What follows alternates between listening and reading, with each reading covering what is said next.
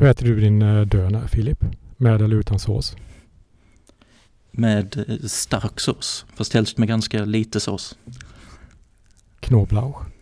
Nej, aldrig. Okej. Okay. Vi snackar mer om det sen. Det här är sjätte avsnittet av Djävulsberget eh, med mig Arvid Jurjaks. Och med mig Filip Fransén.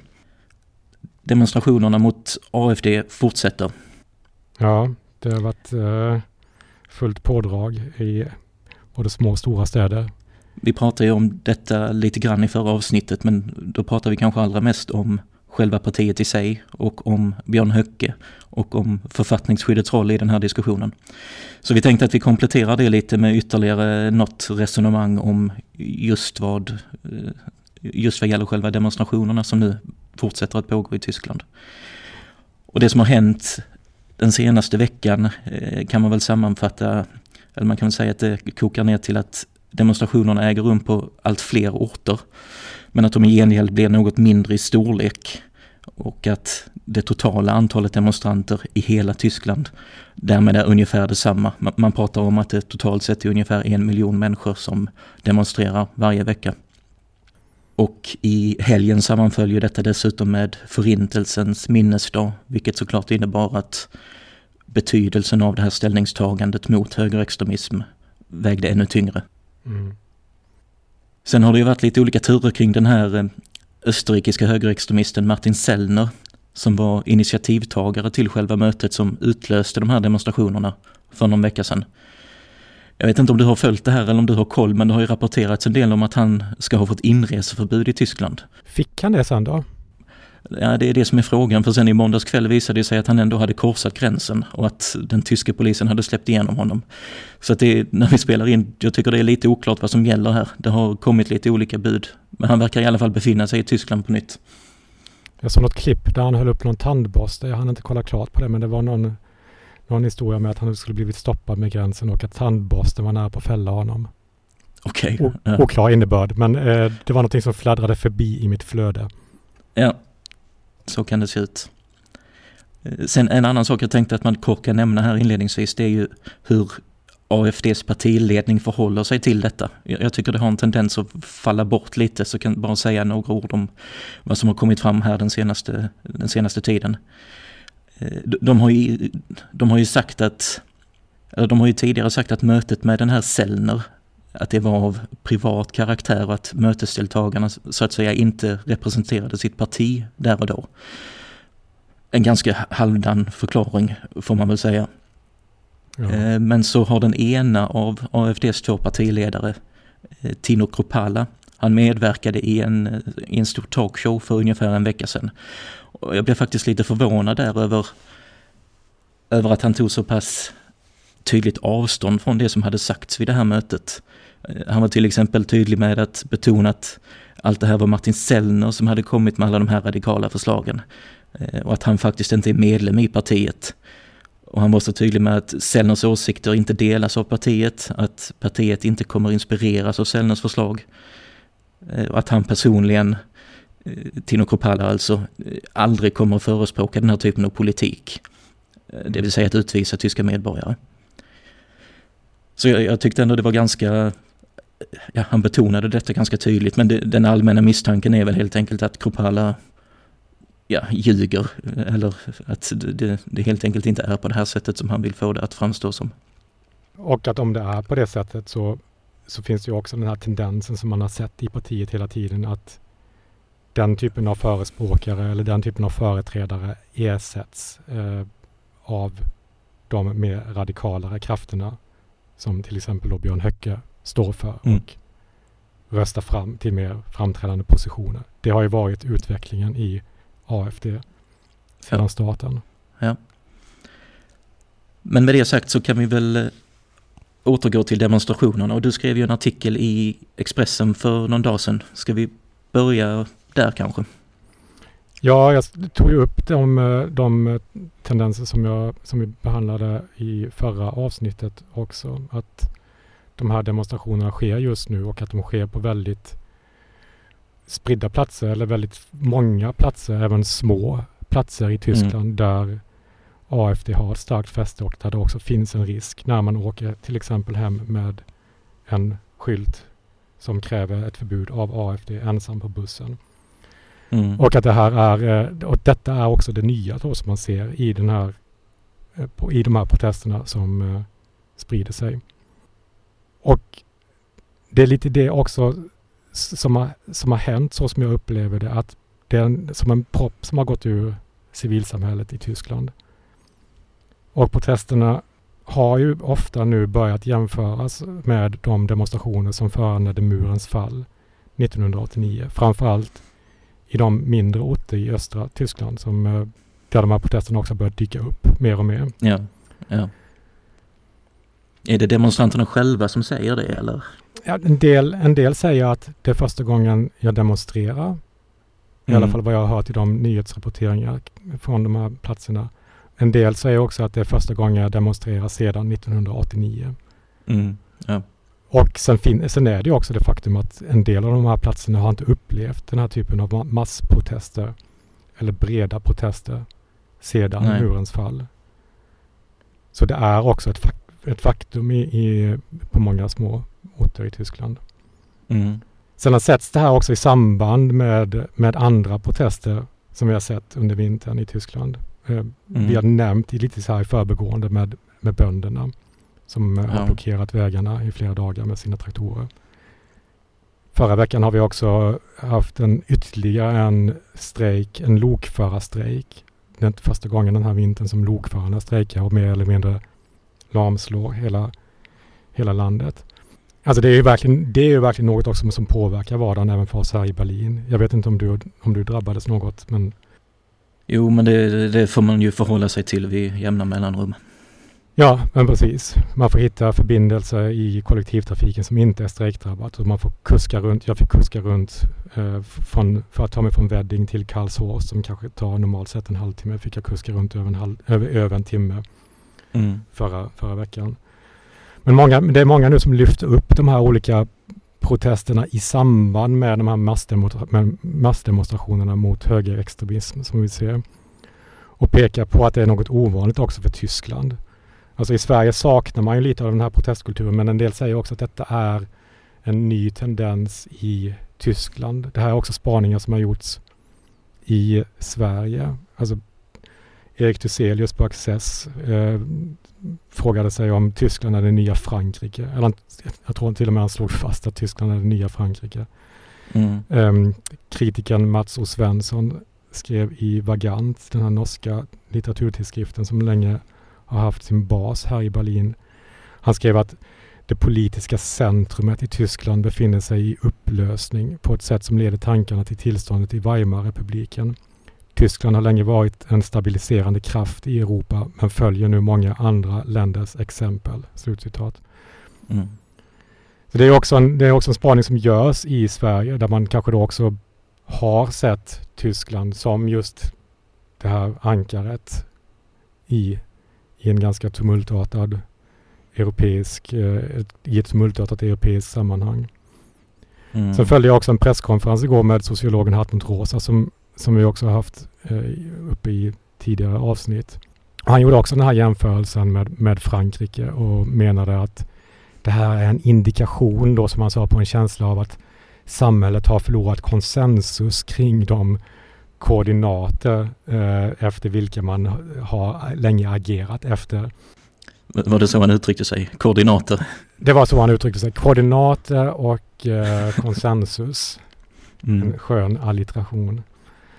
Sen menar han också att det här med protesterna mot AFD eh, och det är nog en spaning som jag också, eller en tendens som jag också tycker mig se att de har mer av en enande faktor. Alltså de bondeprotesterna eh, och andra proteströrelser som vi har sett i Tyskland de senaste senare åren har varit väldigt mycket av missnöjesyttringar.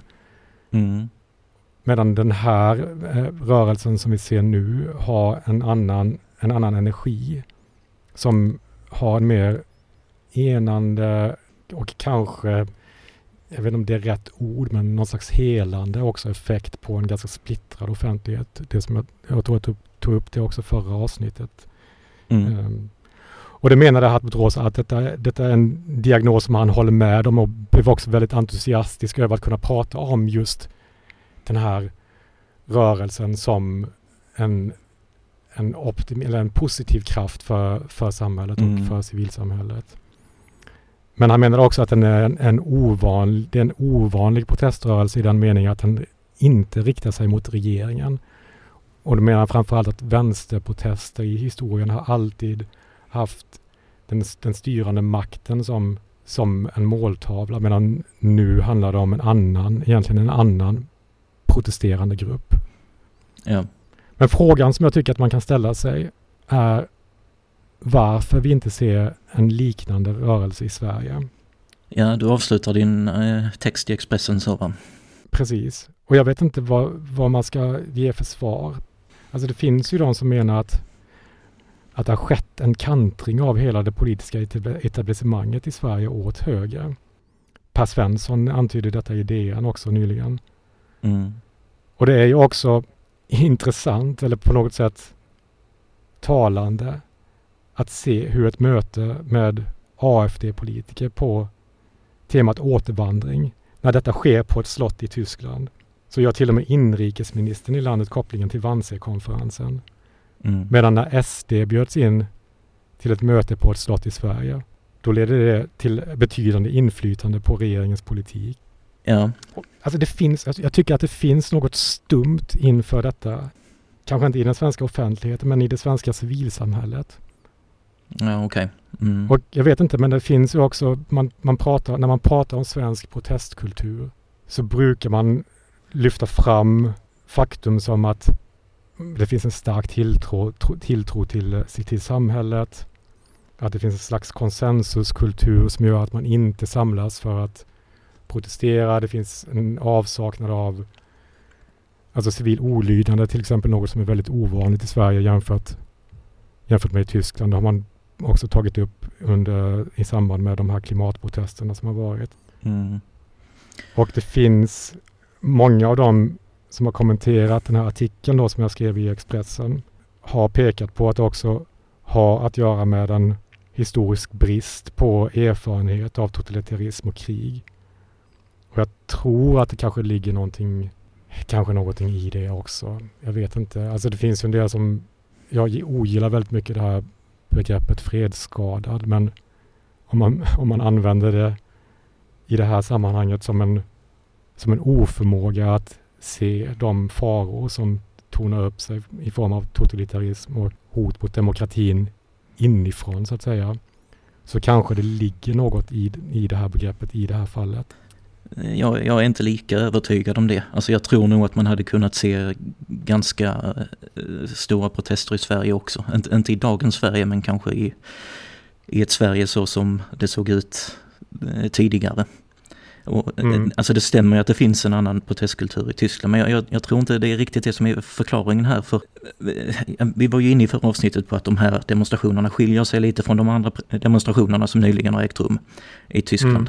Och, eh, och, jag tänker, det händer ju trots allt att det uppstår stor uppslutning i Sverige också. Alltså till exempel i samband med Pride-tåg och så. Mm. Jag tror att för att man ska få så stor tillströmning så krävs det att det eh, sker i en fråga där det råder total enighet inom etablissemanget. Alltså i en fråga som på sätt och vis är så okontroversiell att den nästan framstår som opolitisk. I, i de här AFD-demonstrationerna finns det, ju en, det finns ju en sån enighet i Tyskland men Sverige har blivit splittrat i den här frågan om SD.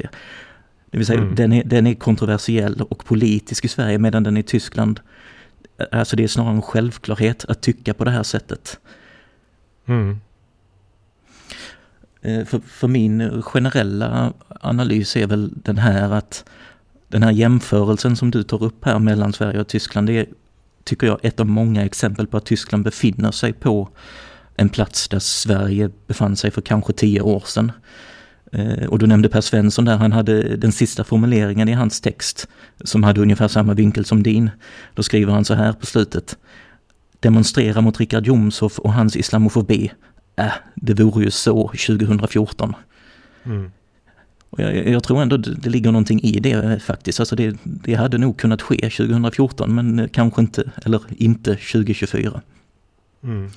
Men för att förstå, alltså för att som svensk förstå det som händer i Tyskland och den stämning som råder nu så tror jag ändå det är en ganska bra utgångspunkt att eh, kanske snarare jämföra med eller likna det vid Sverige 2014 än Sverige idag. Och jag, jag tänkte ge ett exempel på detta som jag upptäckte här nu i veckan. Eh, nämligen Edeka, eh, den här stora tyska livsmedelskedjan. De väckte liv i en gammal reklamkampanj i samband med att demonstrationerna nu pågår. Och det är en reklamfilm på ett par minuter. Eh, det utspelar sig inne i en av deras butiker. Och då har de plockat bort alla utländska produkter från butiken. Alltså det är inga utländska produkter alls i hela butiken.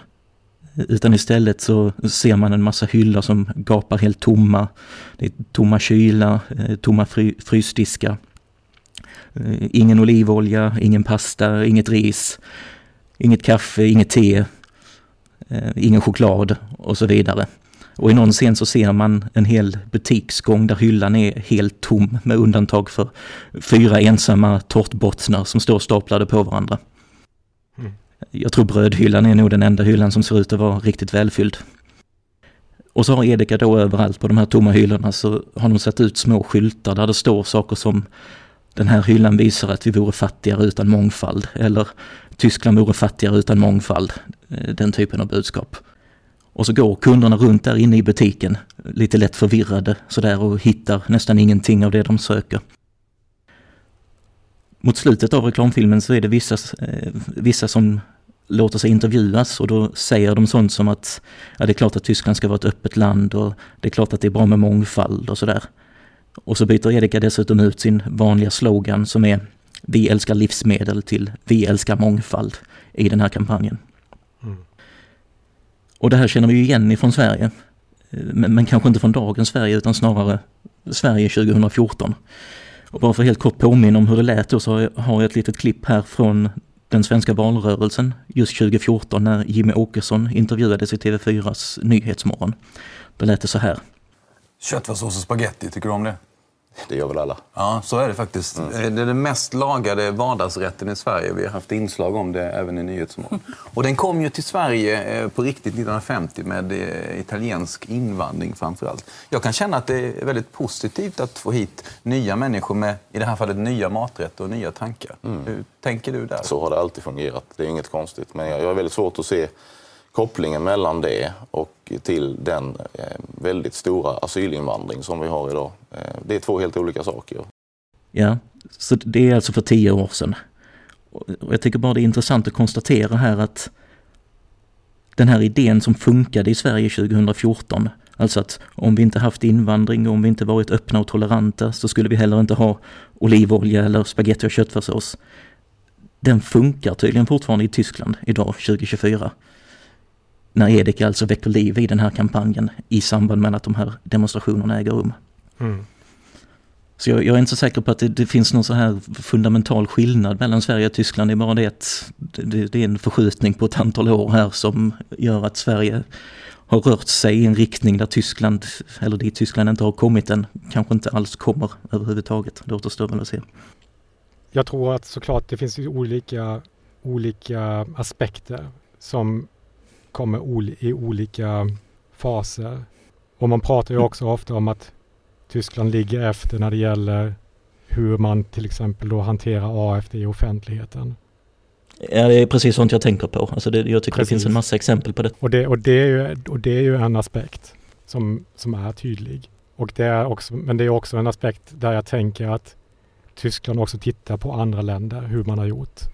Man gör ju det inte helt utan erfarenhet. Och samtidigt tror jag att den här proteströrelsen då som vi ser just nu, att det kan vara något, en aspekt där Tyskland faktiskt ligger före.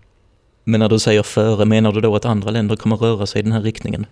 Ja, alltså jag tror att om man också tittar på andra proteströrelser, alltså om vi tar till exempel jag tycker att Letzte Generation och de klimatprotester som man har sett i Tyskland och även i andra europeiska länder, men där Sverige snarare då har varit sent ute med den här typen av civil olydnad som, som metod. Men börjat kanske knappa in lite på den europeiska utvecklingen.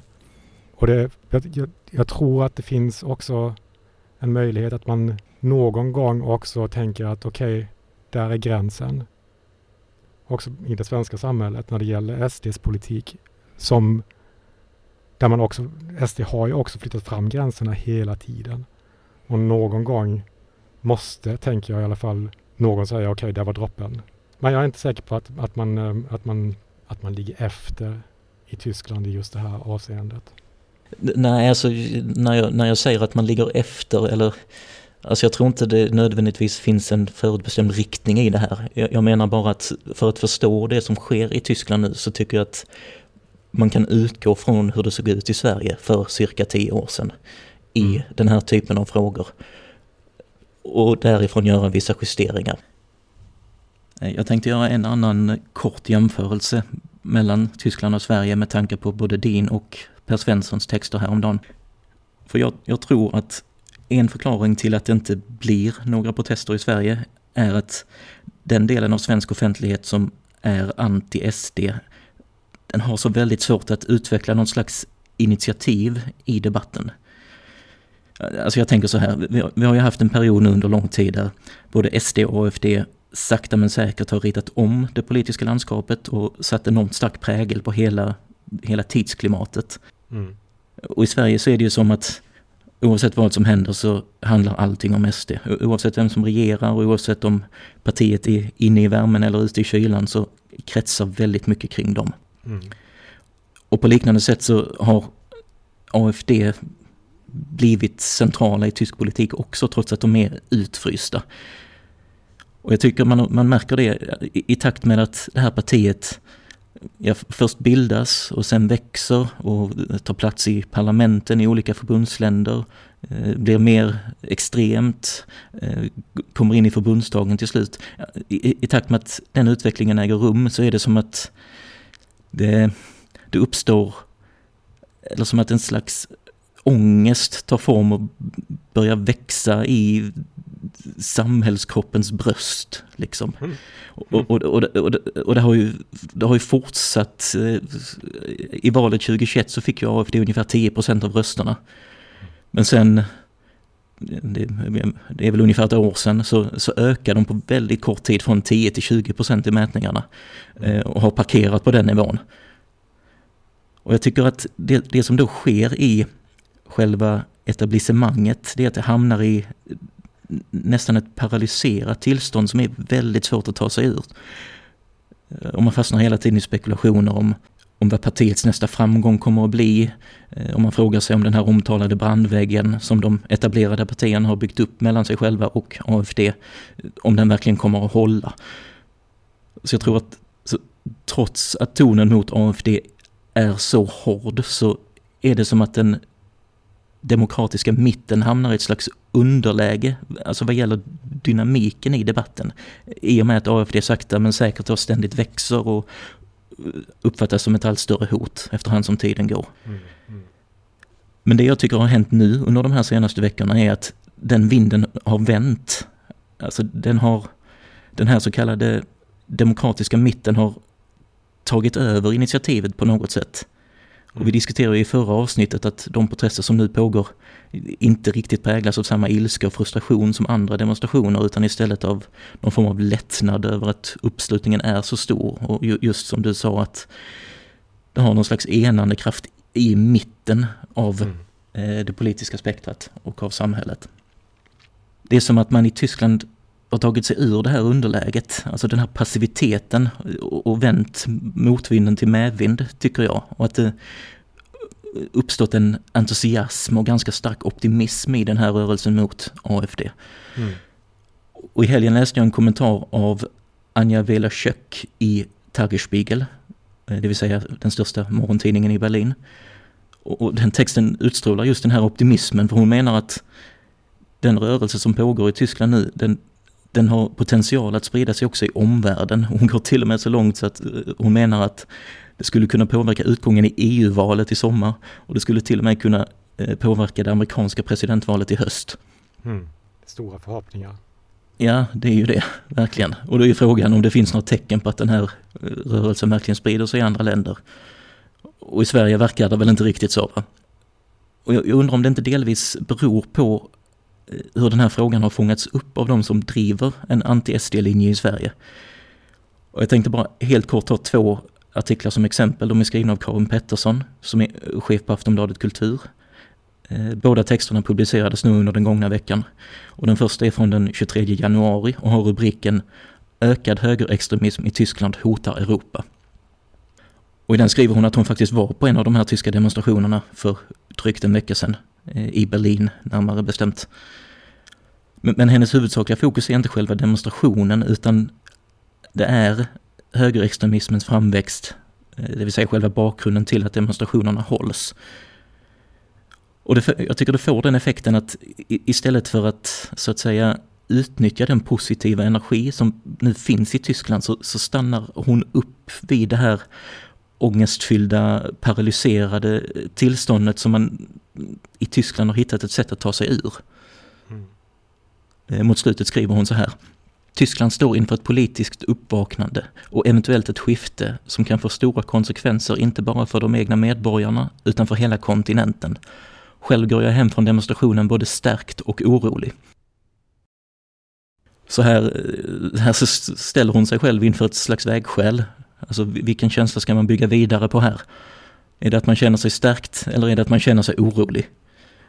Och i nästföljande stycke så skriver hon så här, det är det allra sista stycket. De vet inte vad som väntar, tänker jag. Kanske gör inte vi det heller. Om högerextremismen får verklig politisk makt i Tyskland så står Europa inför ett nytt kapitel i sin historia. Så mm. ja, hon väljer oron helt enkelt. Hon väljer mm. inte att känna sig stärkt utan hon väljer oron. Eh, och stannar kvar i den här defensiva positionen istället för att söka gripa initiativet så att säga. Och jag, jag, blev ganska förvå jag, alltså jag blev ganska förvånad över den vinkeln eller att hon, hon, skriver texten på det sättet. För jag såg redan innan att hon la upp bilder i sociala medier från den här demonstrationen. Jag tänkte redan då att Eh, det här kommer hon säkert att göra en stor grej av och liksom basunera ut i Sverige att titta här på tyskarna, de har fattat hur det ska gå till och hur man gör motstånd och hur man lär av historien. Men det är liksom ingenting sånt. Mm. Ja, det är intressant. Ja, jag tycker det. För jag tycker här, här vad gäller sånt så är, tycker jag högern i Sverige är enormt skicklig på att utnyttja varje tillfälle man får att liksom peka på hur det fungerar utomlands och att man borde ta efter hur det ser ut där. Men eh, nej, det, det finns inga sådana tendenser i, i, hennes text utan hon, hon stannar kvar liksom i den här utgångspunkten att det kommer ett hot och att det är obehagligt och skapar oro. Och sen skriver hon då eh, några dagar senare, den 28 januari, eh, en annan text eh, som då handlar om Richard Jomshofs senaste uttalande och den får då såklart rubriken Det är så ekande tyst om hatet mot muslimer. Och det, det finns en, en uppgiven ton i den texten tycker jag, som man hör också på rubriken. Mm. Eh, och jag tycker ja, det, det, blir en ganska skarp kontrast just nu i alla fall där vissa i Tyskland då menar att det finns så stor energi i den här rörelsen att den till och med skulle kunna prägla hela supervalåret 2024 i hela världen. Mm. Men i Sverige låter sig likasinnade inte alls ryckas med i den stämningen utan är som fastlåsta i den här passiviteten. Ja, kanske är det ett slags eh, en slags tysk optimism kontra svensk pessimism. Jag vet inte. Ja, och alltså jag tror att vi båda tänker kring den här, den här överdrivna optimismen då som finns, att, att, att den också är överdriven till, till, eh, till viss del. Alltså förhoppningen om att den här proteströrelsen ska få en eh, inverkan på utgången även i val utanför Tyskland, alltså jag tror att om man ser på opinionsmätningarna så som de ser ut nu, också efter att de här protest, protesterna har pågått, så ska man nog också vara glad om de överhuvudtaget får en inverkan på utgången i valen som kommer i Tyskland i höst. Ja, det tror jag också. Tysk dönerkultur tänkte vi avsluta med, eller tänkte jag avsluta med. Alltså mm. hur man beställer en döner i Berlin. Jo, så här. Man säger alles komplett, Knoblauch, scharf. så får man sitt bröd fullpackat med sallad, tomat, gurka, nötkött, men också väldigt ofta kycklingkött, lök, inte sällan rödkål. Mm. Och så en massa vitlökssås, stark sås, om man vill ha örtsås. Mm. Eller alla tre. Vissa har lite andra extra såser. Alltså det en oöverblickbar mängd av tillval. Lite smulig salladsost, ett par droppar citron, ibland friterad potatis, lite grönsaker, zucchini och Ja, det ryms mycket i ett sånt här bröd. precis ett ställe som jag gärna går till här vid Görlitze Park där jag har mitt kontor erbjuder också jalapenos som jag är väldigt svag för och som ger en både syrlig och extra stark no- ton, eller vad ska man säga, en extra stark spetsa till det lite extra. Det är liksom allt av allt när man Allt beställer ja. en döner i Tyskland. Ja. Och det är ju detta också som är på något sätt den tyska döden. Det är ju också något av landets nationalrätt och också Mm. en upp, uppenbar exportschlager. Alltså den finns ju också i olika former i, i Sverige såklart och även andra europeiska länder. Och det är billig fast food som sedan inflationen numera är Alltså jag tycker det är ganska svårt att hitta en döner under 6 euro idag. ja, dit jag brukar gå, där ligger det på sex. Exakt. Ja, precis. När jag flyttade hit för nio år sedan så köpte man fortfarande en döner för 3 eller 3,50. Mm. Mm. Men nu har det börjat talas om inte, inte en Neue Deutsche Welle utan en Neue Dönerwelle. Där man serverar dönen så som den serveras i Turkiet då sägs det. Och då är det med varsamt marinerat kött som, som monteras på de här spetten på restaurangen, alltså inte någon slags industrivara som skickas ut till alla de här små dönerställena som finns i Berlin till exempel. Man får det här köttet då i, det här, i ett eget hemmabakat bröd med ett par inlagda gurkor, lök och framförallt ingen sås. Nej. Detta är alltså en ny självmedveten dönertrend som kommer och en som har varit drivande i att uppmärksamma den här trenden är faktiskt en svensk. Han heter Per Mörling och eh, Mhm. är Berlin, Berlins förmodligen mest in, inflytelserika influencer när det kommer till stadens matscen. Han driver en Mm. kanal som heter, eh, eller en, en, ett koncept som heter Berlin, Berlin Food Stories som har då en sajt och eh, en Instagram, Instagram-kanal. Där han också går till botten med myten om dönen som, som en tysk, alltigenom tysk uppfinning. Mm. Han har också hela tiden uppmanat konsumenter till att vara beredda att betala lite mer för sin döner. Och det som är Per Mörlings tes i det här då är att det som är den tyska uppfinningen när det kommer till, till dönen är en, den här fast food-kvaliteten som den har och den här låga förväntningen på vad man ska få. Ja. Och han pratade då om att det, som, att det är någonting som alltid drabbar det som man då kallar brun migrantmat. Att den både pris och kvalitetspressas då på ett väldigt uppenbart vis. Mm.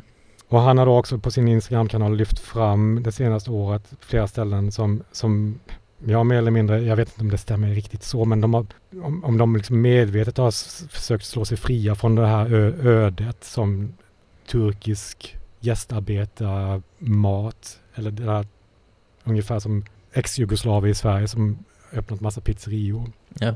Det intressanta, men det som är intressant i, i den här trenden är, tycker jag i alla fall, att det kommer samtidigt som man, som man från regeringens sida vill göra det enklare för de miljontals turkar som bor i Tyskland att bli tyska medborgare. Mm. Det har ju skett den här förändringen av eh, medborgarskapslagen eller vad det kallas, där det nu är möjligt att ha dubbelt medborgarskap, något som inte var möjligt innan. Och en del räknar med att, att detta kommer leda till att 50 000 turkar varje år kommer att ansöka om tyskt medborgarskap de kommande åren. Mm. Och detta är alltså många av de människor som kom till Tyskland som gästarbetare, eller så kallade gästarbetare då under mitten av 1900-talet. Den här diasporan har du också fått sällskap av en yngre turkisk mer akademisk klass som kommit för att bli, som kommit hit eh, framförallt efter att Erdogan slagit ner på de olika protester som, eh, som, som skedde i Istanbul och på andra håll i Turkiet under 10-talet. Alltså demonstrationerna i mm. parken och Taksimtorget. Och deras närvaro har å ena sidan skapat konflikter inom den turkiska diasporan i Tyskland. Alltså det är en progressiv, ny, ung, välutbildad grupp som skapar slitningar inom den ganska konservativa, arbetarklassorienterade grupp som redan finns här. Mm. Men det har också gjort den här diasporan mer självmedveten. Ja, okej. Okay. Mm. Om det nu är så då att den har upp... det här det är en långt dragen spaning, men det, mm. om det har varit så, om det också liksom har bidragit till att man uppvärderar turkisk matkultur då, så på ett sätt som man ser i den här nya dönetrenden. Mm. Om det är så, det vet, det vet jag inte. Eller om man också på något sätt har bidragit till att möjliggöra tanken på att det finns en autentisk turkisk döner bortom det här tyska snabbmatslafset så som man levt med sedan ja, i decennier. Det, mm. det, vet jag inte, men, men eh, jag tycker det är intressant att tänka sig det som en, som en del i den här utvecklingen. Och att detta också då sker samtidigt som alla de här människorna i decennier då, att de under den här tiden behandlats som andra klassens medborgare, att de nu äntligen välkomnas till att bli fullvärdiga medborgare. Det tycker jag är väldigt mm. intressant att de här, att de här utvecklingarna sker, sker parallellt. Och jag tycker också att man ska tänka på det när man kommer till Tyskland och beställer sin eh, döner, att man ska testa några av de här nya ställena som poppat upp med eh, egna handmarinerade dönerspett och att man då beställer sin döner utan sås. Utan sås, ja. ja. Känns som att det är många i Sverige som är skeptiska till det alltså. Det är många i Tyskland som är skeptiska till det också. Ja. Jag har sett en del förarga sig över den här nya snobbiga trenden som en del upplever det som. Att de minsann vill ha sin döner så som de alltid har ätit den. Men du har testat alltså? Jag har testat. Jag åt den i eh, idag senast på ett okay. ställe här vid mm. Kortpositor. Mm. Kostar 8 euro. Ja. Det är gott. Alltså, det är gott. Jag är, alltså, jag är ingen döende fantast, men, eh, men det, är, det, är en spännande utveckling att, eh, att följa. Det är lite som när man som om man skulle säga till, till svenskarna att de inte ska äta sin kebabpizza utan de ska beställa en eh, margarita istället för att den är mer autentisk italiensk. Ja, ja just det. Ja. Eller sin, uh, att man inte ska äta spaghetti och köttfärssås utan att man ska äta en spaghetti bolognese. Mm, precis, precis. Mm. Föreslå Jimmy Åkesson. Ja. ja, väcka liv i den debatten igen. Ja, det tycker jag. Ja. Mm. Något annat idag? Det var allt från min sida. Ja. Då säger vi så. Och så hörs vi snart igen. Det gör vi.